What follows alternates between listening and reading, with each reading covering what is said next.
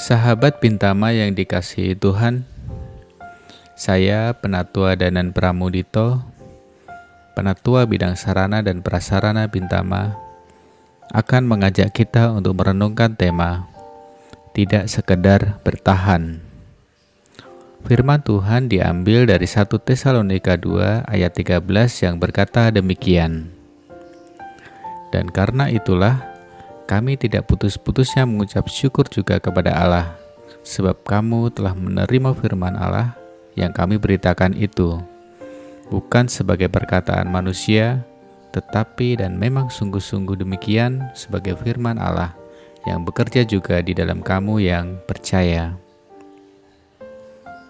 Sahabat Bintama yang dikasihi Tuhan, masa pandemi merubah hampir seluruh aspek kehidupan kita mulai dari pekerjaan, pembelajaran, peribadatan, dan juga pelayanan, seolah menjadi lebih rumit, lebih sulit, dan lebih banyak tantangan.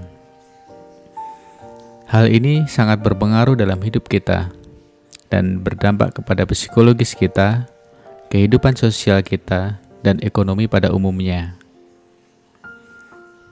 Pada titik ini, semua kita dituntut untuk bisa bertahan secara mental maupun finansial.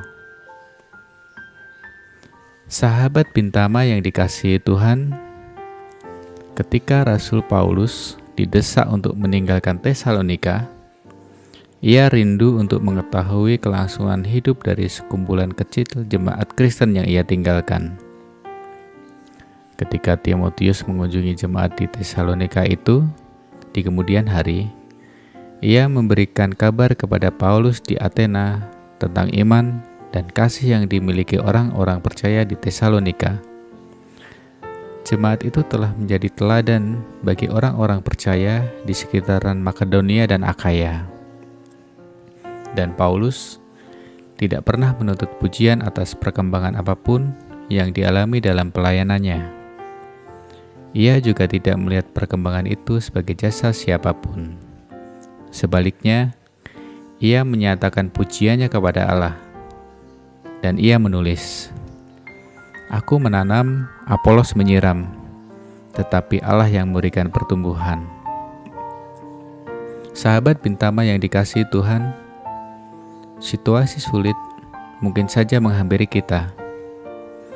Tantangan yang dialami di era Paulus mungkin tidak selalu sama dengan tantangan masa kini.